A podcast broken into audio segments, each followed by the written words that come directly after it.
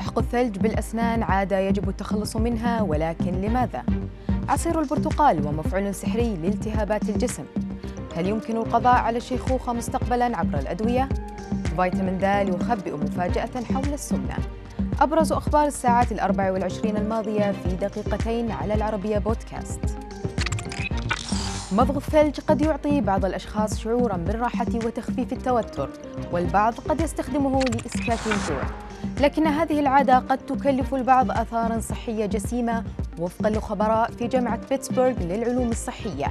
فيعد مضغ الثلج ضارا بصحة الفم وقد يكلف ذلك في النهاية رحلة باهظة الثمن إلى طبيب الأسنان حيث يؤدي مضغ الثلج إلى تشققات في المينا ما قد يؤدي إلى زيادة الحساسية للأطعمة والمشروبات الساخنة والباردة.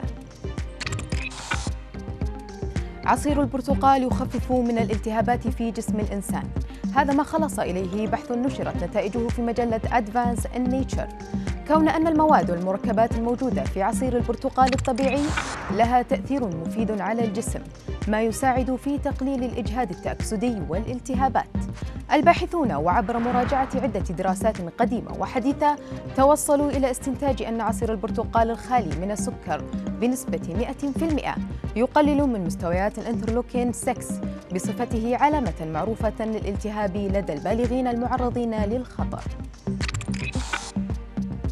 مع ظهور علامات الشيخوخة يبحث الكثيرون عن حلول لإخفائها أو إبطاء ظهورها. دورية ساينتفك ريبورتس نقلت عن دراسة أجرتها جامعة ليستر الإنجليزية قدرة العلماء على تحسين فاعلية وسلامة أدوية محلل الشيخوخة لعلاج الأجسام المضادة بدقة.